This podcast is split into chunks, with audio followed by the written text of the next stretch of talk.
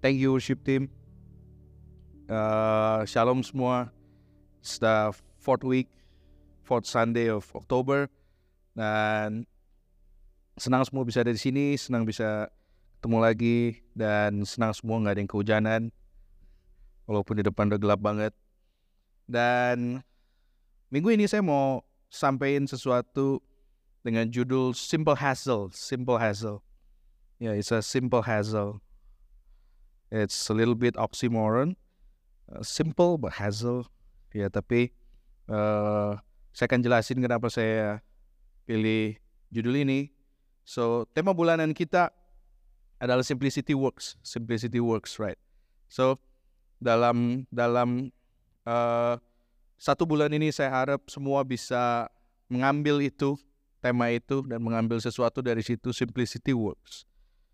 But in order for simplicity to work, most often the process is never simple. Nggak pernah. Supaya ada simplicity, supaya ada sesuatu yang mudah, supaya ada sesuatu yang yang sederhana, sering kali prosesnya tidak sederhana. Kalau ada yang tahu gimana cara bikin mie instan, maka bikin mie instan itu kalau udah nyampe tangan kita simple banget tapi cara dia bisa sampai jadi begitu itu ribet banget. Untuk bisa sampai di dalam sebuah kemasan lalu kemudian itu kering tetapi kalau dipanasin bisa jadi basah lagi itu nggak segampang itu. Dan butuh keruwetan yang sedemikian rupa dalam pabrik sehingga bisa keluar dalam bentuk mie instan yang ada di tangan kita. Seringkali sesuatu yang kelihatannya sederhana di baliknya itu nggak pernah sederhana. Ada sesuatu yang yang rumit di balik itu semua. Ya. Yeah. So, uh, I study management long time ago. Uh, when I was in uni, my lecturer told me about this uh, theory called lean management. Lean management. So it's from Toyota, 1940. Toyota bikin sebuah sebuah konsep gimana caranya untuk memangkas proses-proses produksi, proses-proses manufaktur sedemikian rupa sehingga lebih cepat, lebih simple dan juga uh, lebih clear. Salah satu caranya adalah bikin clarity. So lean management leads to more productivity and cuts of time. The key is to keep everything in clarity. Segala sesuatu harus jelas. Proses ini habis ini ke sini, habis ini ke sini, habis ini ke sini. Lalu semuanya jelas, yang mengawasi jelas. And simplicity segala sesuatunya harus dibikin lebih sederhana. Buang semua yang proses-proses yang tidak terlalu perlu. Kalau saudara sekolah manajemen, saudara ngerti apa yang saya bilang? Kalau enggak, nggak apa-apa, terima aja dulu. Ya, uh, namanya lean management. Sampai sekarang masih dipakai. Uh, terakhir kali saya dengar ada orang share tentang lean management adalah seorang pemimpin perusahaan yang isinya, yang pabriknya uh, hire lebih dari 2000 orang um, dia share sesuatu di di devotion waktu saya waktu saya masih jadi staff di Bandung. Waktu dia share saya masih mikir oh wah this my ini waktu saya kuliah. Terus ternyata masih dipakai sampai hari ini lean management.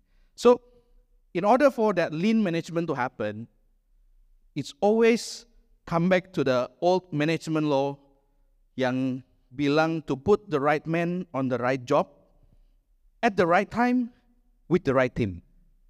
Gitu jadi supaya lean management itu bisa terjadi, tetap orang-orangnya tetap harus orang yang tepat, orang yang tepat ada di posisi yang tepat, ngerti skill yang tepat, tahu segala sesuatu yang harus dilakukan di waktu yang tepat dan bersama dengan tim yang dia bisa kerja. Kalau sama tim yang dia nggak bisa kerja, percuma. The right man on the right job with the right time, ketemu sama tim yang nggak bisa kerja, ya sama aja bohong. Jadi to put the right man on the right job at the right time with the right team ini udah ada dari zaman gak tahu deh kuliah manajemen tahun berapa. But I wanna tell you this was never a simple thing. Teorinya sih gampang, nulis begitu sih gampang banget. Kalau ujian sih gampang banget. Tapi if if you do management, kalau saudara pimpin sebuah tim, ada dalam sebuah tim yang mengerjakan sesuatu project apa pun, Saudara tahu bahwa untuk ada di situ itu susah banget. Bikin the right man on the right job aja udah susah. Lalu kemudian bisa perform at the right time together with the right team. Wah, that's never simple.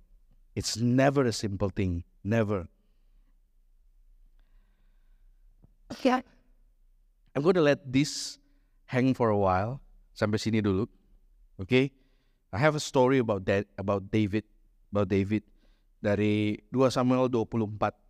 Sebuah cerita ketika Daud bikin salah di hadapan Tuhan karena dia hitung orang dia hitung apa dia hitung pasukan dia lalu kemudian Tuhan bilang don't you believe me terus kenapa kamu hitung pasukan lalu kemudian Tuhan marah sama Daud lalu kemudian uh, Tuhan kirim seorang nabi namanya Gad nah ini cerita di ayat 18 sampai 21 saya bacain that day God came to David and said to him go up and build an altar to God on the threshing floor of Araunah the Jebusite so David went up to do what the Lord had commanded him.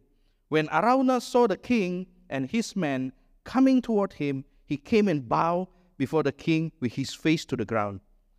Why have you come, my lord the king? Araunah asked.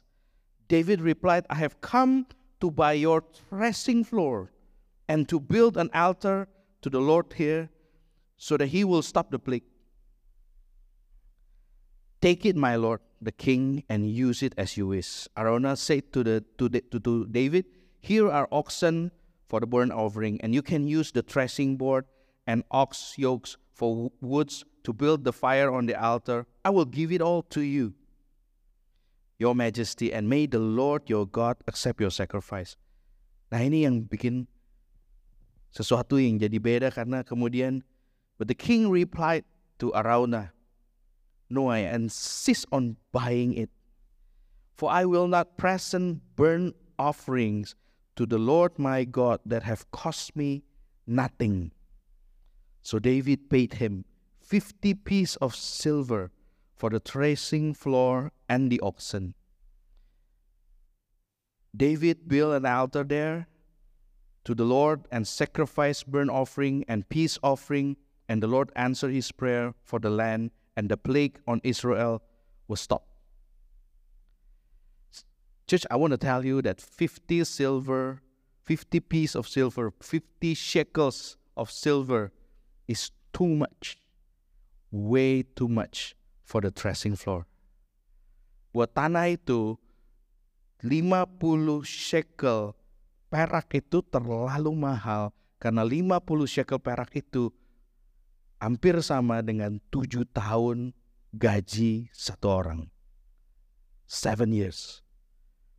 Fifty shekel of silver biasanya dipakai untuk meminang seorang perempuan dan kemudian mengambilnya sebagai istri. A man need to prepare 50 shekels of silver. It was too much, too much. Satu tahun ini kita bicara tentang life in character. Life in character. So, it's a, a year of character building. I really hope that at the end of 2023, I will have so many testimonies dari teman-teman semua yang bilang bahwa satu tahun ini ada banyak yang berubah dari dari kehidupan saya. Saya berharap sekali ada orang yang datang begitu ke saya dan kemudian kita bisa dengar testimoni itu sama-sama. Karena satu tahun ini semua khotbah saya isinya cuma soal character building. So hari ini juga soal character building. Life in character is a simple hassle. Is a simple hassle. Keruwetan yang sederhana. Ruwet sih, ribet sih, tapi it's simple. Kenapa? Because simple is never really that simple, right? Gak pernah tuh ada kesederhanaan yang betul-betul emang sederhana banget itu gak ada. Gak ada simplicity yang benar-benar simple banget gak ada.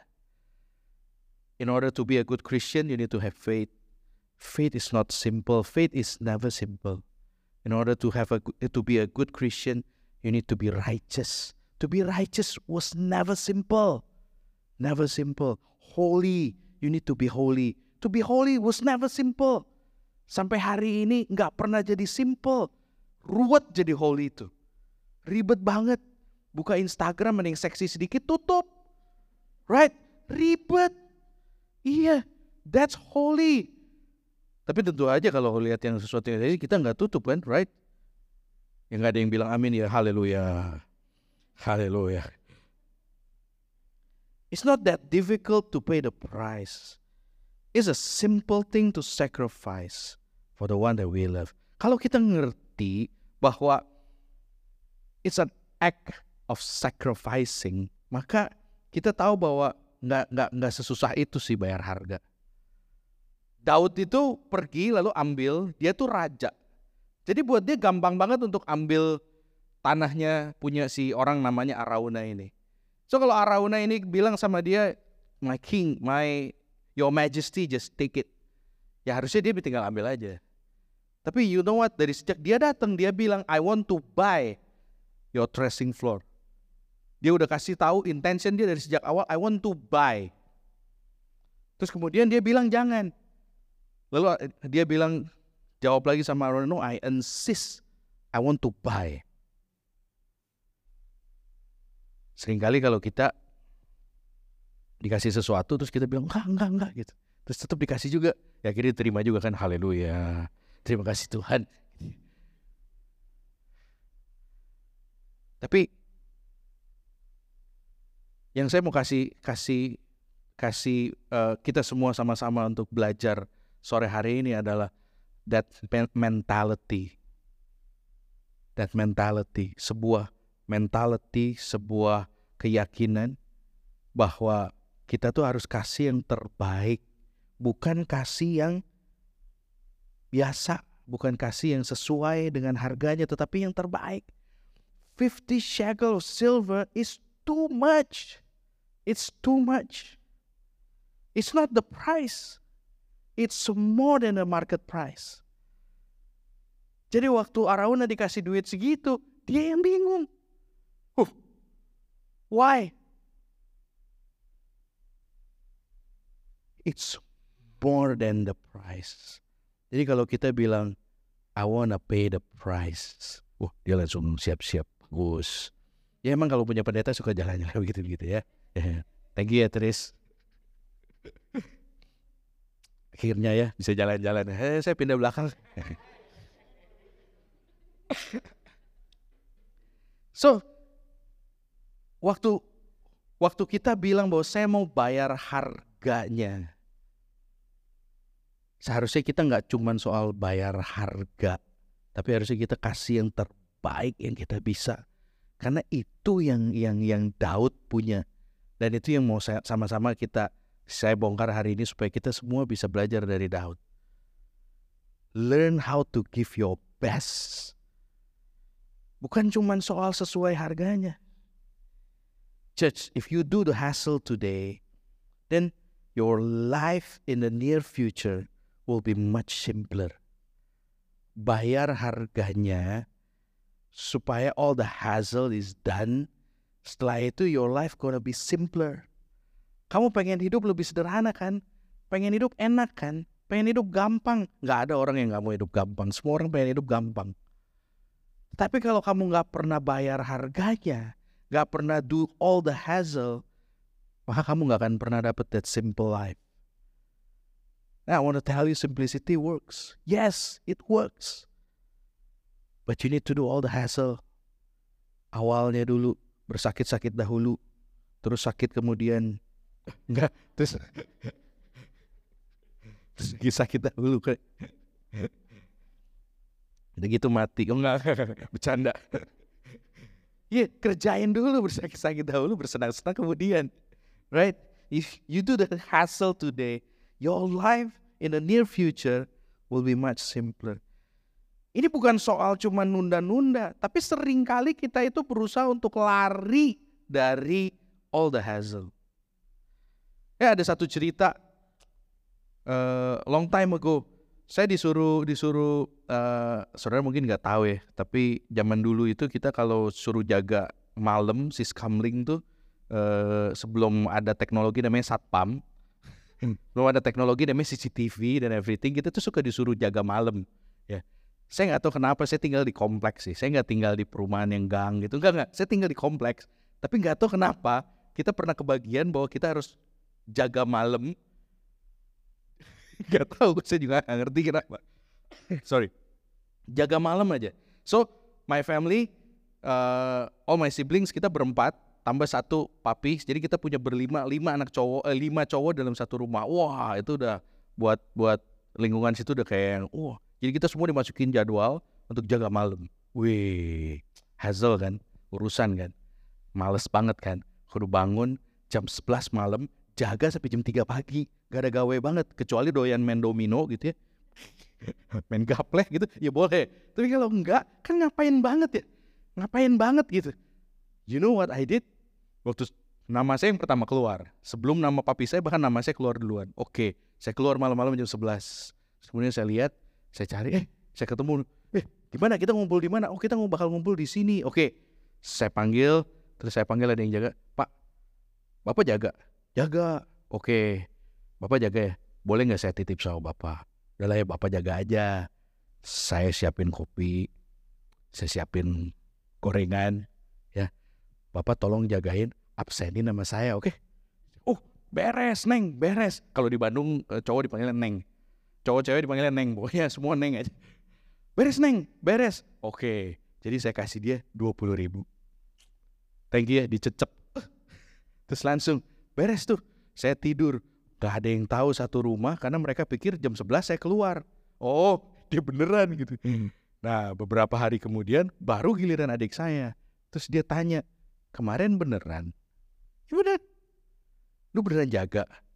Iya HP jam 3 iyalah yang bener iya bener terus dia siap-siap gitu ya. dia udah kayak merasa bersalah banget sampai akhirnya dia beneran dek Nah, saya dipanggil D karena koko paling gede jadi kode gitu. Jadi makanya saya kelihatan paling muda dari semua saudara saya. Dia panggilnya D. Beneran dek, bener. Bener. Pas dia udah mau keluar saya bilang enggak lagi, enggak. gini gini, gini gue ajarin, gue ajarin. Gini ya.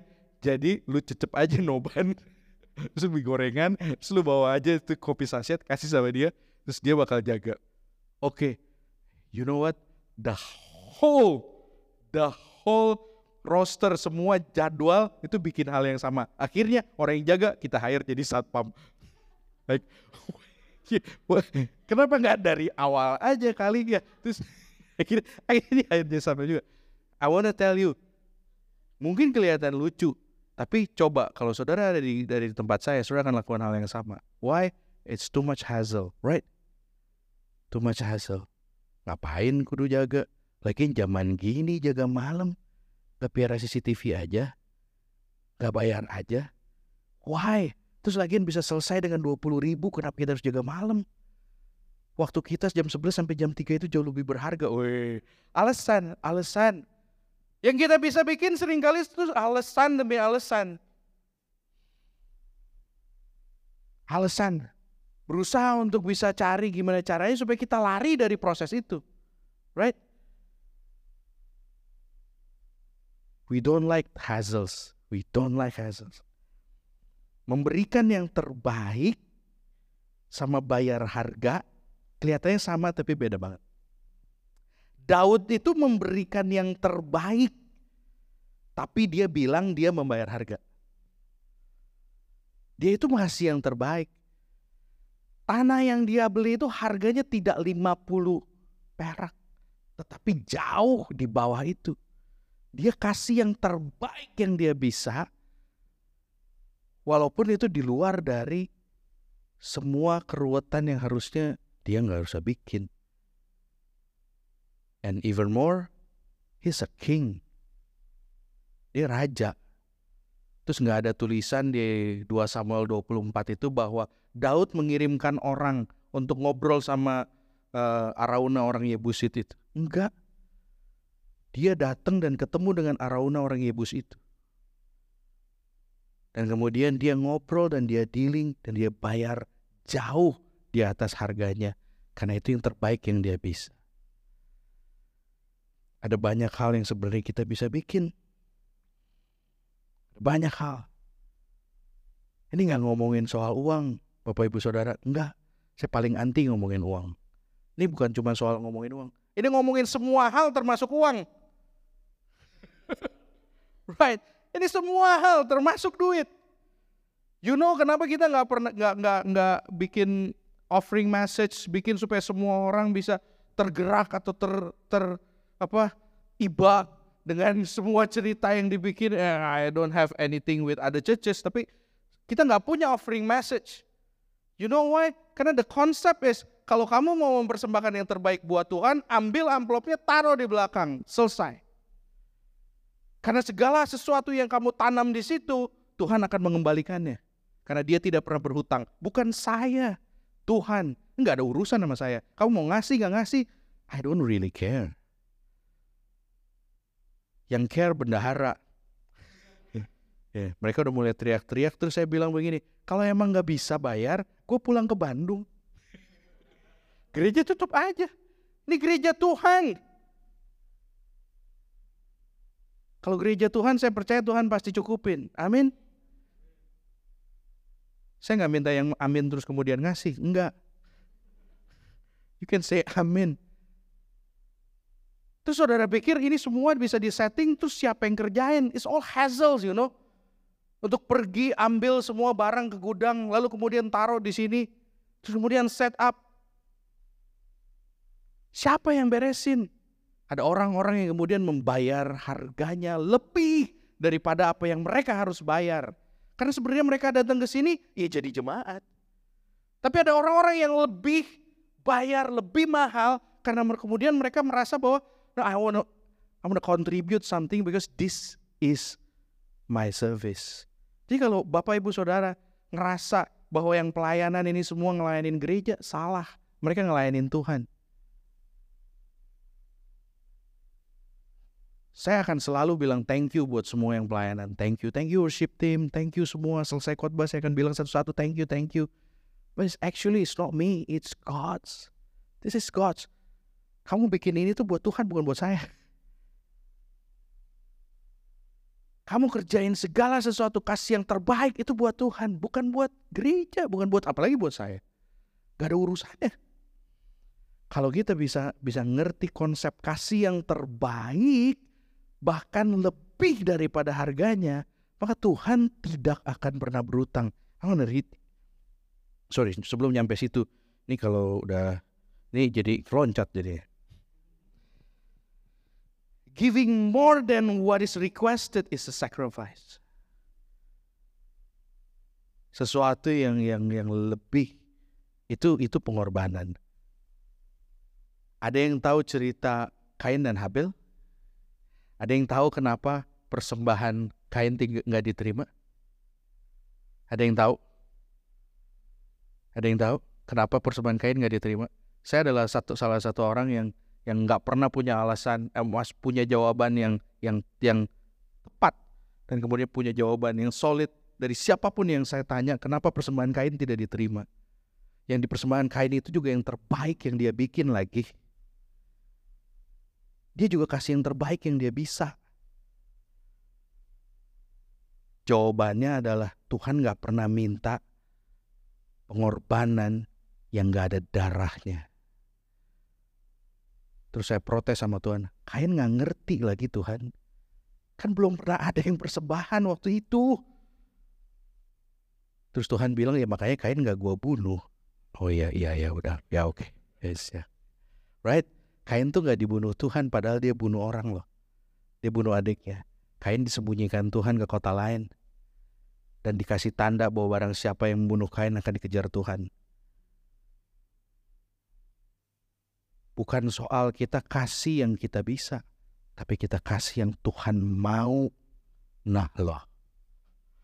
So our sacrifice is not about what we sacrifice. It's about what God think is a sacrifice. Kalau kita udah korbanin sedemikian rupa dan buat Tuhan itu bukan sacrificing, ya kita kayak kayak kain. Kita bikin sesuatu yang yang Tuhan nggak suka. Terus lu terus-terusan ngasih buat apa?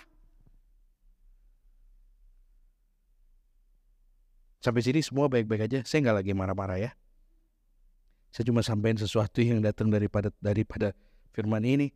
So, apa sih yang yang Tuhan minta? I don't know. Dalam kehidupan kita masing-masing Tuhan akan punya sesuatu yang namanya sacrifice buat hidup kita. Bisa jadi uang kalau kita punya banyak. Tapi sering kali Tuhan juga menghargai orang-orang yang nggak punya lalu ngasih. Karena yang namanya sacrifice itu yang nggak punya baru ngasih itu sacrificing. Kalau punya banyak ngasih mah biasa. Saya dari dulu diajarin sama, sama my parents kalau kamu mau kasih orang ya Nanti kalau kamu udah punya banyak, kamu kasih orang. Chinese, Chinese. Asian moms, Asian parents.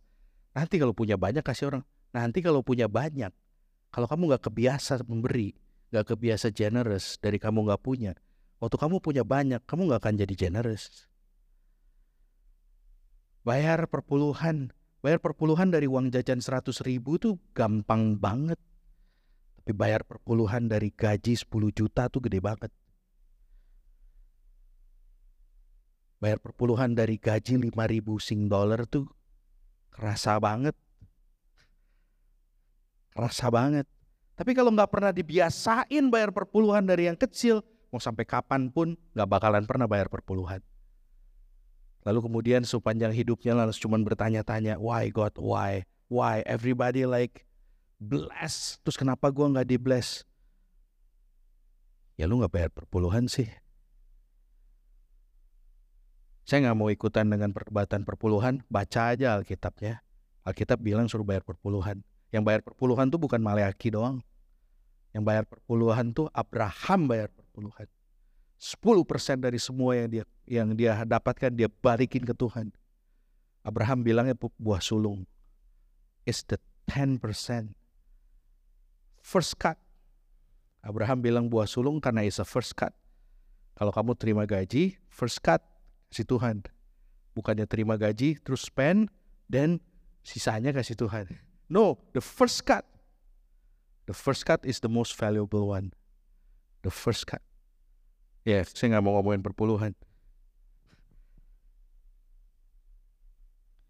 So the right man on the right job at the right time with the right team.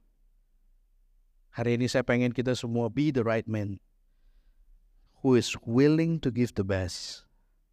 The right man is the one who is willing to give the best.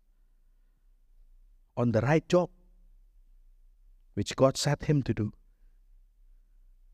At the right time, God's kairos. Waktunya kapan? Enggak tahu. Kok saya udah bayar terus tapi nggak pernah diberkati Tuhan? Ya I don't know, jangan saya tanya saya. Minggu depan saya akan jawab itu. Minggu depan judulnya Simple Faith. Minggu depan saya jelasin kenapa I do this every I do everything but kok nggak ada jawabannya. It takes a faith, you know, a simple faith. And that faith will matters the most. Itu minggu depan. With the right team, surrounded by all the people who are willing to give the best. Kalau kita udah pengen kasih yang terbaik, lalu terus kemudian orang di sekeliling kita nggak ada yang kasih, Daging itu penurut, tapi pergaulan yang buruk merusakkan kebiasaan yang baik.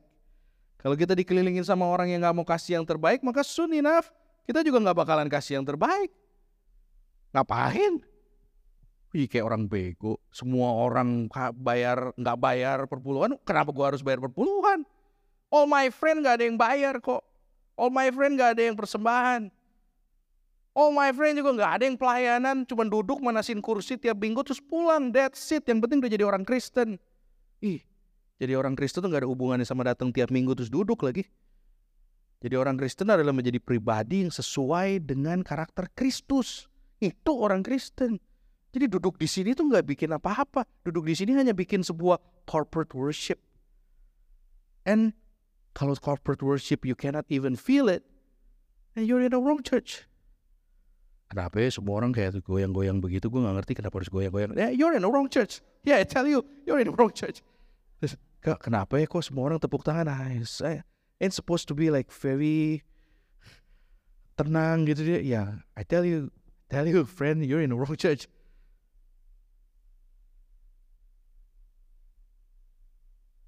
Kita nggak dipanggil buat duduk dan kemudian tiap minggu cuma bulak balik, bulak balik gitu doang. We need to be surrounded sama orang yang mindsetnya sama, yaitu willing to give the best lebih daripada harga yang seharusnya. Itu sebabnya kalau ada satu orang di care group, kalau belum ikut care group ikut. Kalau ada satu orang di care group pelayanan, satu care group biasanya pelayanan. Ada satu orang usher di situ semuanya tiba-tiba jadi usher. Why? We are surrounded by people. By a good community yang kasih tahu dia, eh, I can change, you know. Itu sebabnya kalau ada satu orang yang kemudian ada di care group itu ngerjain sesuatu, tiba-tiba semua orang ikut. Itu. You need to be surrounded. So the right man on the right job at the right time with the right team. Ada satu ayat, kalau setiga ayat 23. Semua orang pernah baca ayat ini, semua orang ngerti, bahkan semua orang memakainya dalam kehidupannya sehari-hari. Tapi saya pengen bacain kalau setiga ayat 23 sampai ayat 25. Work willingly at whatever you do, as though you were working for the Lord rather than for the people. Remember that the Lord will give you an inheritance as your reward. And that the master you are serving is Christ. Ayat 25. But if you do what is wrong, you will be paid back for the wrong you have done, for God has no favorites. Oh, we love to quote the the 23, verse 23. We love to quote that. Nobody quote the 25. The 25th, nobody quote. Kita sebenarnya cuma punya dua pilihan. You're sowing, do it everything for God, or you do everything for men. You only have two choices. Now, my question is where are you? Are you doing it for God? Are you doing it for men? Apakah menabur atau tidak menabur? Gak ada, gak ada tidak menabur. Yang tidak menabur itu sedang menabur dalam kemalasan. Jadi nggak ada yang namanya tidak menabur. Yang ada adalah salah tabur.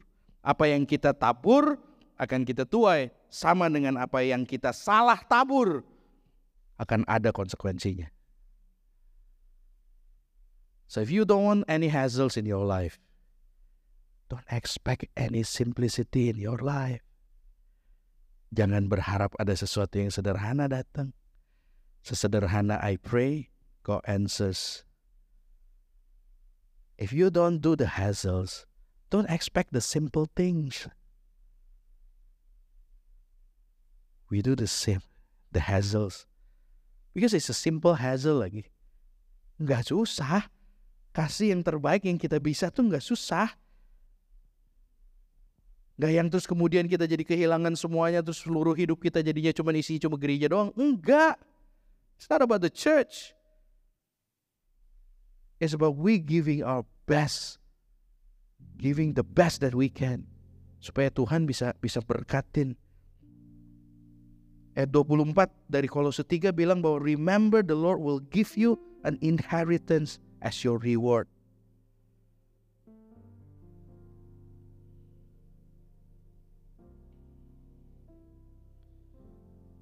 Don't complicate things with excuses. Hassle is hassles. It needs to be done. Harus diberesin. Next, next, next, next. Oh iya ada ini bahaya juga buat gue. Like, I know all the wrongdoings. because before I I never know, right? It's behind me. Now, now I know. then I can complain. Hassle is hassle. It needs to be done. Jangan bikin alasan. Kita sering kali cuma doyan sama alasan doang. Bikin ini, bikin itu. Tuhan gak bisa, Tuhan gak mampu. Tuhan jangan saya, Tuhan bukan saya. Tuhan saya masih terlalu jauh. Tuhan saya tidak kudus. Tuhan saya orang Kristen baru setahun. Tuhan tolong, Tuhan saya gak bisa. If you don't want the hassles, don't expect the simple things. happen in your life. Terus kalau seluruh hidup kamu isinya cuma ruwet doang, jangan komplain. Because you don't like the, the hassle things. I'm gonna close with this. Eh. 2 Chronicles 3, verse 1. So Solomon began to build the temple of the Lord in Jerusalem on Mount Moriah, where the Lord had appeared to David his father. The temple was built on the threshing floor of Araunah the Jebusite, the site that David has selected. Church, the house of the Lord yang Daud mau bangun. Bait suci yang Daud mau bangun. Akhirnya dibangun sama Salomo yang katanya begitu megah. Itu dibikin di atas tanah Arauna orang Yebus itu. Yang dia beli dengan harga yang lebih. If you do all the hassles, the next generation will be impacted, you know. the hassle we do now will benefit the next generation later. Semua yang kita coba untuk lakukan sekarang susah, ya susah. A few few weeks ago, a few ya yeah, a few weeks ago, uh, anak saya sakit, istri saya sakit. Yeah, actually kita bertiga sakit. Terus saya bilang sama istri saya, let's go to church. No, dia panas. Yang ada di otak saya begini, kecuali masuk rumah sakit sih pergi ke gereja aja lah. It's hassle. Tapi karena masih panas juga sampai sampai jam-jam kita mau pergi ya udah daripada lu nularin orang ya udahlah lebih baik di rumah aja. Tapi saya nggak panas, saya pergi ke gereja. Minggu depannya Amy masih masih rada batuk gitu tapi udah udah at the end udah nggak panas. Saya bilang pakai masker pergi ke gereja. Maminya bilang, ya tapi nanti takut nularin. No, no, no, no, no. We do the hassle now. Karena lebih jauh lebih gampang minta maaf sama orang kalau ada orang ketularan. Sorry ya, sorry. Lagi pula lu sekolah juga kan semua orang pada batuk-batuk kan gak kenapa-napa lu sekolah juga. Right? Jauh lebih gampang. Jauh lebih susah untuk kasih tahu sama satu orang anak umur 3 tahun bahwa pergi ke gereja tuh penting jauh lebih susah didik anak untuk datang ke gereja. Bahkan kalau saya nggak enak badan pun saya pergi ke gereja. Jauh lebih susah ngajarin anak kayak begitu. Jauh lebih gampang untuk minta maaf sama all the parents. I'm sorry, my kids masih masih belum sehat full, tapi dia pakai masker. If we do the hassle now, it will benefit the next generation.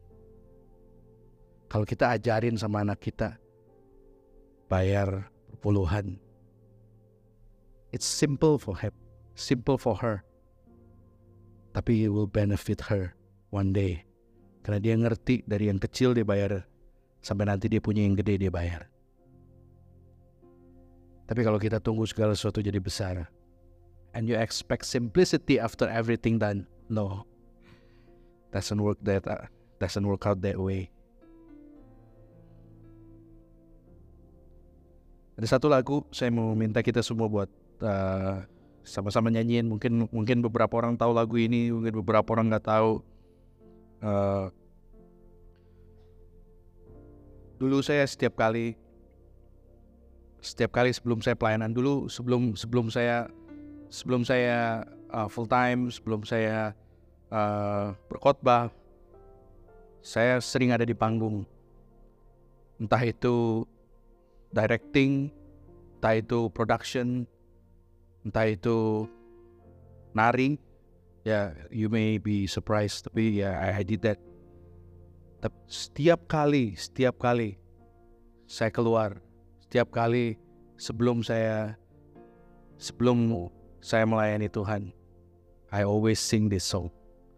Karena lagu ini kasih saya sebuah kepastian bahwa I will give my best the best that I know.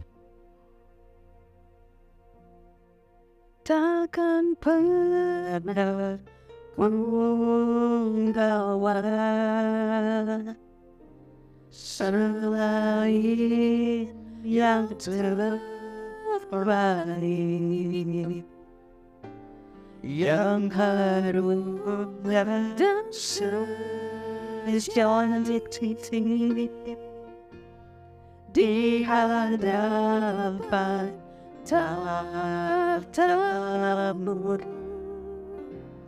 Yesusku terima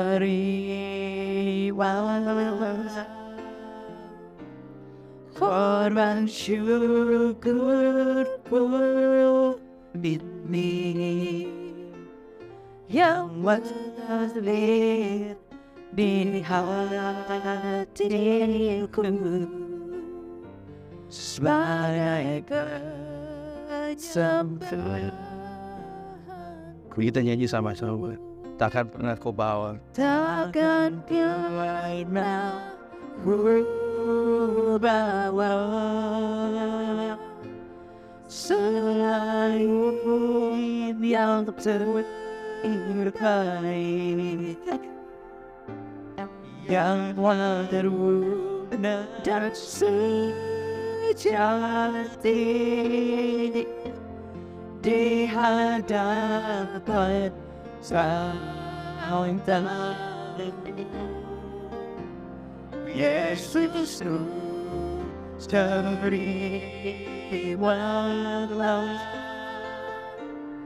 korban syukur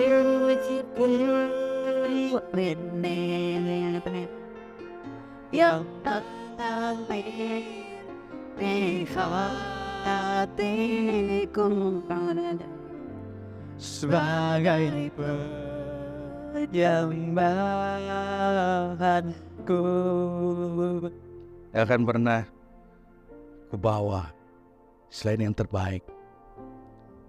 Bukan yang cacat, bukan yang biasa, bukan yang sesuai harganya, tapi yang terbaik, the best that I get. Supaya jadi sebuah persembahan, persembahan itu bisa harum di hadapan Tuhan. Amin. Saya harap semua bisa belajar sesuatu hari ini.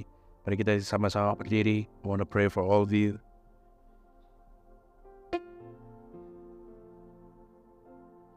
Thank you Lord Jesus. Terima kasih Tuhan.